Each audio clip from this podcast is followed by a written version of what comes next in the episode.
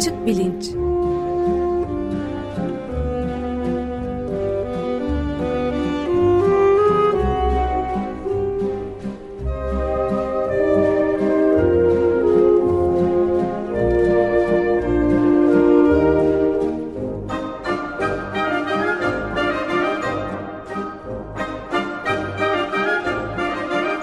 Güven Güzeldere ile bilim ve felsefe sohbetleri.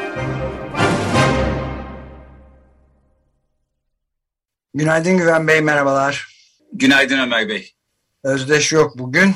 Ve şimdi e, biz, biz dünden geçen haftadan yaptığımız açık e, bilinç e, bir dizi, mini dizi diyebiliriz. Dini inanç ve ahlak ilişkisini konuşmaya devam ediyoruz. Bugün e, konuğumuz da Profesör Mustafa Öztürk. Siz takdimini yapar mısınız lütfen? Evet tabii memnuniyetle. Mustafa Bey hoş geldiniz öncelikle. Teşekkür ederim, hoş bulduk. Hoş geldiniz Mustafa Bey.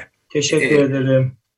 Biz e, birkaç haftadır felsefe nedir, felsefi analiz nasıl yapılır falan gibi konuları konuştuktan sonra e, din, dini inanç ile ahlak ilişkisine e, ilişkisini felsefi analize e, tabi tutmaya çalışmıştık e, geçen haftaki programda.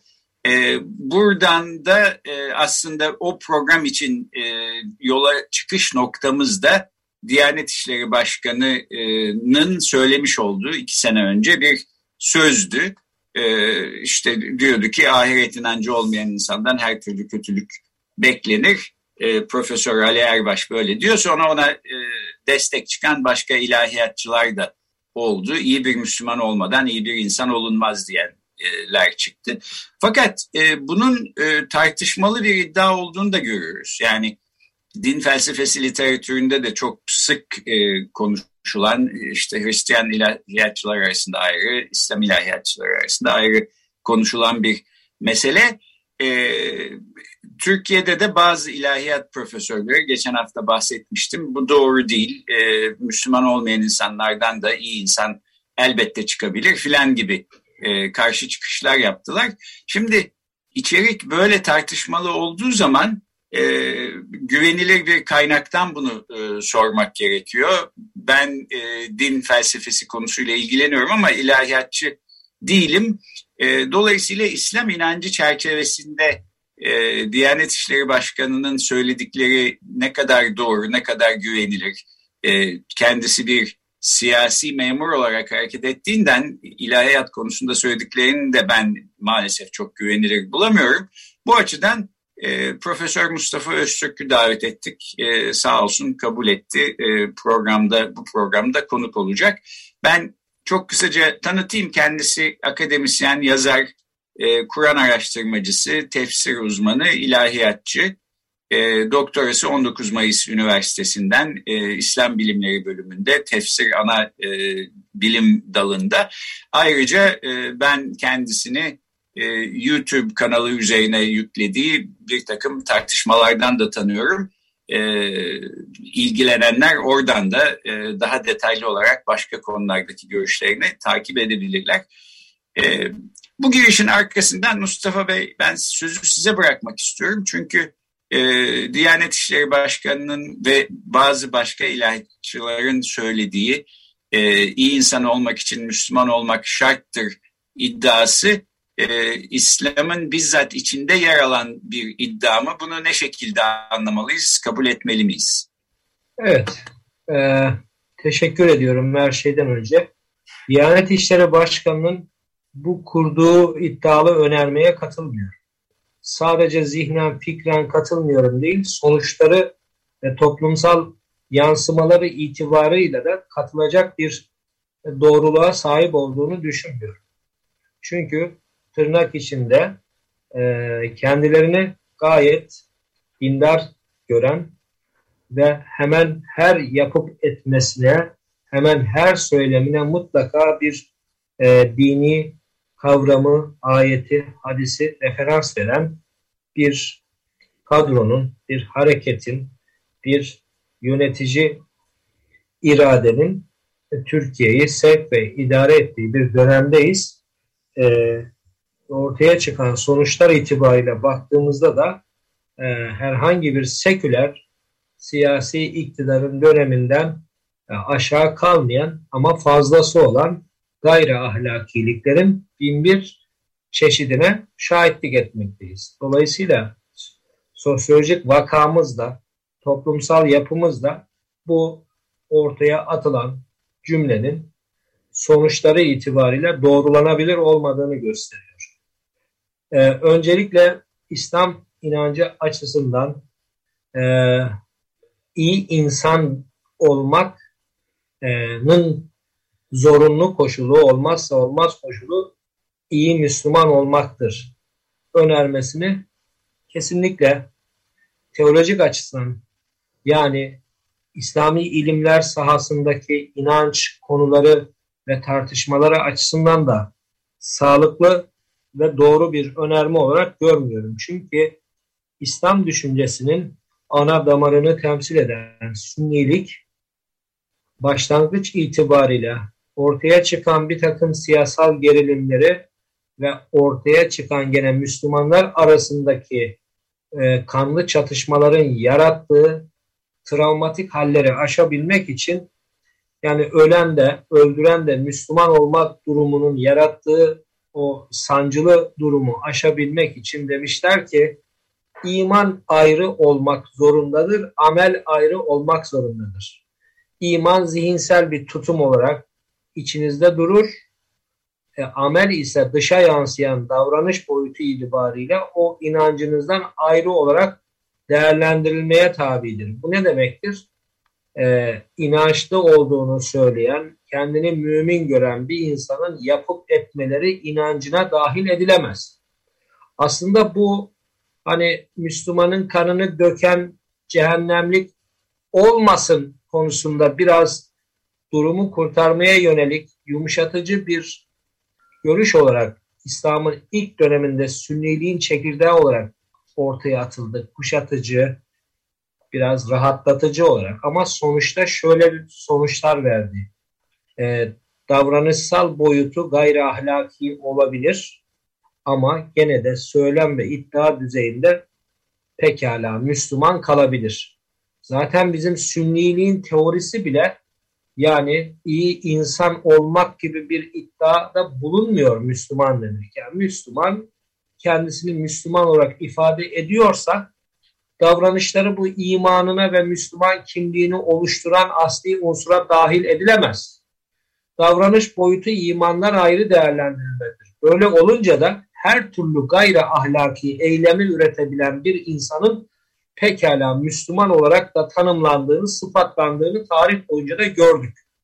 Dolayısıyla bugün ahlaksız dindarlık dediğimiz şeyin zaten sünni gelenekte bir altyapısı var. O altyapı amel imandan bir cüz, asli unsur değildir altyapısıdır. Bu şunu gösterir. Yani iman ederek taahhütte bulunduğunuz ahlaki müeyyideleri kendinize ille de yapmak zorunda hissetmeyebilirsiniz. Ya da yapmadığınızda ya da gayri ahlaki davrandığınızda mümin olmalığınıza da ya da mümin sıfatınıza da bir halel gelmeyecektir. Bu bir. Birincisi Sayın Diyanet İşleri Başkanı'nın ortaya koyduğu bu iddiada efendime söyleyeyim iyi insan olmanın şartı Müslüman olmaktır ya da ahirete inanmaktır şeyi bir kere buradan oturmuyor. Çünkü sünnilik ameli imandan ayrı saymış. Yani ahlakı imandan ayrı tutmuş. Sadece söylem olarak mümin olmak sizin mümin olmanıza kafidir. Bitti. İkincisi bizim İslam geleneğinde ve felsefesinde ve aynı zamanda İslam hukuk e, felsefesinde tartışılan bir konu vardır. Hüsn ve kubuh. İyilik ve kötülüğün kaynağı ilahi bildirime mi dayanır? Yoksa iyilik ve kötülük dediğimiz değerler eşyanın varlığının özünde zaten mevcut mudur? Gene ehli sünnet dediğimiz sünnilik yani bugünkü İslam dünyasının tarih boyunca olduğu gibi bugün de Kahire ekseriyetini temsil eden dini düşünce akımı iyiliğin ve kötülüğün tanrısal bildirime dayalı olduğu. Dolayısıyla Tanrı neye iyi derse ona iyi deneceğini, neye kötü denirse de ona kötü deneceğini ve bu o raddeye gelmiş bir düşüncedir ki Yani Tanrı insan öldürmek iyidir deseydi kesinlikle o iyi olurdu şeklinde böyle varsayımsal önermeler bile ortaya konuluyor. Fakat buna karşılık biraz İslam'ın rasyonelistleri diyebileceğimiz mutezilerin yaklaşımı şudur. İyilik ve kötülük vahiden bağımsız olarak zaten eşyanın özünde de mevcuttur, insanın e, bilincinde de mevcuttur. Din iyi ve kötüye karşı insanın duyarlılığını artırır, motive eder, ona bir yardımcı kaynak işlevi görür. Ben bu konudayım. Bu konuda bu mutezile tarafında duruyorum. Buradan baktığımızda şu sonuç ortaya çıkar. İyi bir insan olmak için illa Müslümanlığın dairesine girmeye hacet yoktur.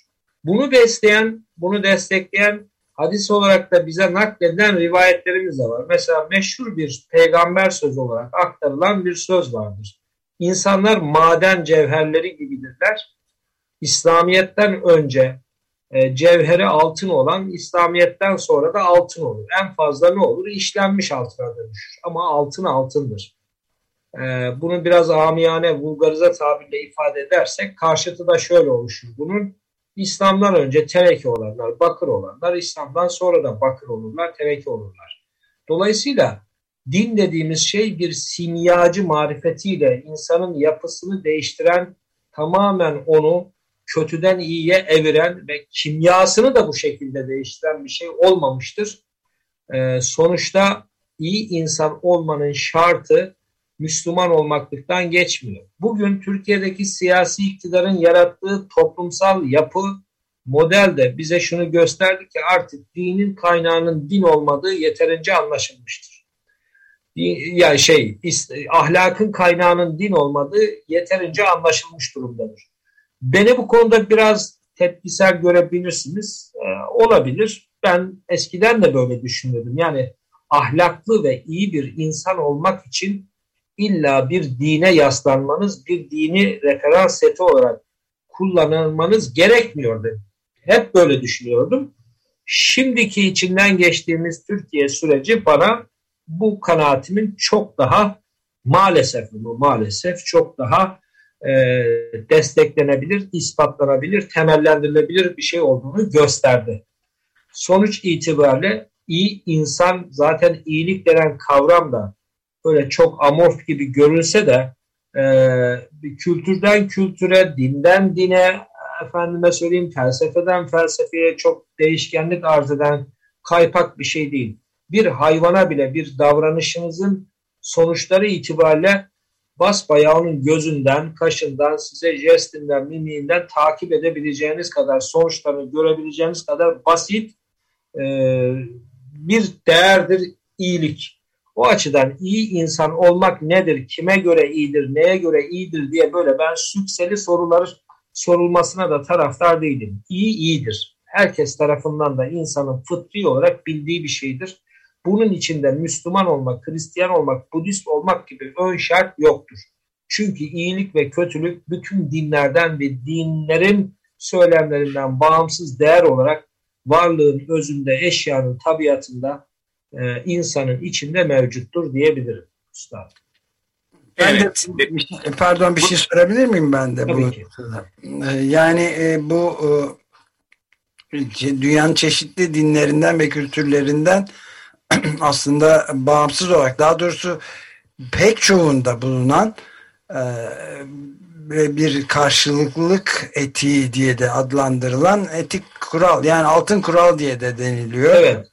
Diğerlerine karşı temelinde adalet var ve bu evet. adaletin sağlandığını emin olunabilmesi için bir kişinin herhangi bir davranış yani bunu Wikipedia'da de Wikipedia'da da Wikipedia'dan da okuyabiliyoruz. Herhangi bir davranışta bulunma hakkı veya sorumluluğu olup olmadığını belirleyen bir ahlak kuralı, etik kuralı yani. Ee, yani hem olumlu yönü var işte altın kural öbürüne de belki gümüş kural deniyor. Yani kendine yapılmasını istediğin şeyleri sen de başkasına yap şeklinde ifade ediliyor. Evet. Ya olumsuz tarafı var yani kendine yapılmasını istemediğin şeyleri başkalarına başkasına da yapmayacaksın. Evet. Yani bu ama her çeşit antik Yunan felsefesinde de görülebiliyor. Ayrıca Yunan, e, eski Hint ve Çin felsefelerinde de görülüyor. Tabi Hristiyanlıkta da var. Gibi. Onun için pek bağlamak bana da uygun gelmiyor sadece İslam'a bunu bağlamak. Burada ben şöyle bir şey söyleyebilirim. Kur'an'ı Kur'an'ın bir hiçbir özgünlük iddiası yoktur. Hmm. Yani inanç açısından baktığınızda yoktur. Çünkü yani Kur'an'ın ısrarla üzerinde durduğu tek tanrıcılık, monoteizmin referansını ta en eski kendi peygamber silsilesi gibi o silsile bildiğimiz Tevrat'tan alınmış, transfer edilmiş bir silsiledir. Tevrat silsilesi üzerinden en eski peygamberlere kadar, Nuh'a, Adem'e kadar götürür. Adem'in kim olduğunu yani insan olup olmadığını veya Adem Havva kıssasının bir köken mitosu olup olmadığını tartışmayalım. Şimdi e, diyelim ki insanlık gerçekten Adem denen nev-i şahsına münhasır bir bireyden ve onun eşinden oluştu diyelim. E, en büyük iddiası olan tevhid yani Tanrı birdir. İnancında da özgünlüğü yoktur. Hele hele ahlaki erdemler konusunda da hiçbir özgünlük iddiası yoktur. Çünkü Hı. peygamber anlatılarını aktarırken bize e, şu ayetten bahsederken bak bu ticaret ahlakını şöyle vurgulamıştı. Öbür peygamber şu ahlakı böyle vurgulamıştı diye sürekli anlatır. Kur'an zaten kendini birçok kez de zikir ve hatırlatma olarak sunar. Hatırlatma neyin hatırlatması? Unuttuklarını hatırla ya iyilikleri hatırla, kötülükleri unut diyen bir yapıya sahiptir. Bu açıdan e, ayrıca insanlığın o güne kadar keşfetmediği bir değer vardı, ahlaki, insani bir değer. Kur'an geldi, insana o değeri keşfettirdi veya kendisi ortaya koydu diyebileceğimiz hiçbir şey yoktur. Kur'an'da mesela çok e, sık geçen tanımlanmayan bir kavramla karşı karşıya kalırız. 30 küsur yerde maruf der.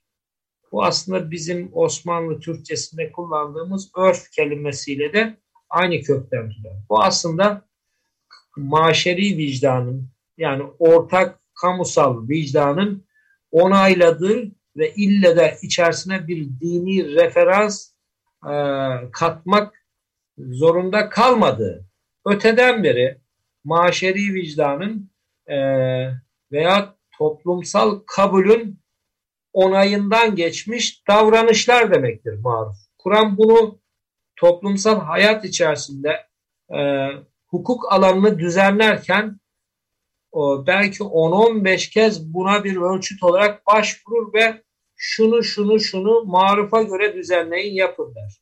Ama hiçbir yerde tanımlamaz.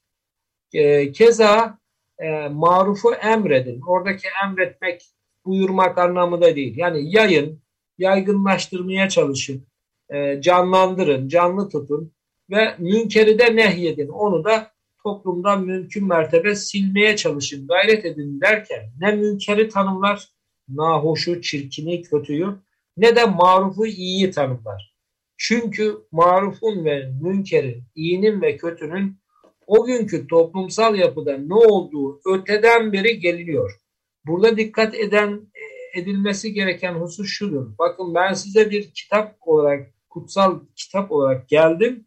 Maruf dediğim şeyin ne olduğunun çerçevesini belirliyorum. Münkeri de şimdi tarif ediyorum demiyor. Burada insanlığın genel vicdanında kabul görmüş değerleri peşinen kabul ettiğini görüyoruz. Bu da şunu gösteriyor. Yani iyilik ve kötülük dediğimiz değerler ille de dinin bildirimiyle, dinin söylemiyle, dinin hükmüyle iyilik ve kötülük değeri kazanmazlar. Bunu tersine çevirirsek demek ki bir dini kimliği, bir aidiyeti, bir mensubiyeti dillendiren bir insan da bu mensubiyet, sırf bu aidiyetle iyi insan olmazlar. Ee, zaten tarih boyunca da e, dinlerin, kurumsal dinlerin en büyük şiddeti, en büyük canavarlığı, en büyük zulmü ürettiğini de görmüş, e, tanık olmuşuz. E, İslam tarihinin geçmiş sayfalarına bakarsanız din üzerinden ne tür faşizmler üretildiğini, ne tür jenositler uygulandığını, ne tür efendime söyleyeyim e, engizisyonlar e, yaşandığını e, bunu tanıyız. Yani bunun e, bizzat da kendi dindaşlarına reva gördükleri zulümleri de biliyoruz. Sadece ben size Emevilerin daha ilk döneminde Medine'de yaşanan bir Harre vakası diye bir vaka var. Harre yani Hatay'ın hasıyla başlıyor. Buradaki e, vahşetin düzeyini yani e, yapan fail Emeviler maruz kalan ise Medine yani peygamberin etrafında yaşamış onunla 20-30 yıllık hukuk kurmuş sahabiler ve buradaki vahşetten bir gayri, e, gayrimeşru bir nesil üret tecavüzler sonucu. Tecavüzü yapan Müslüman ebeyler tırnak içinde tecavüze uğrayan da sahabi kadınlar veya Müslüman kadınlar. Bu daha peygamberin halifelerinin dördüncüsünün hemen akabinde gerçekleşen bir olay.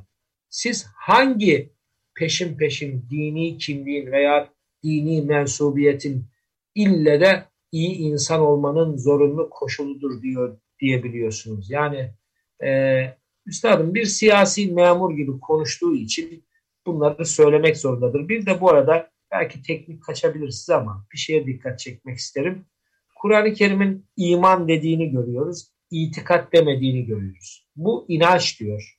İnanç bizde itikada denk düşer Arapçada veya bizim Osmanlı Türkçesinde. O da dogmadır. Bu kateşizm dediğimiz amentüdür. Yani sözel olarak ifade edilir. Ee, e, fakat davranış boyutuna yansımaları olmaz. Türk'üm doğruyum der gibi bir andımız okur gibi bir şeydir.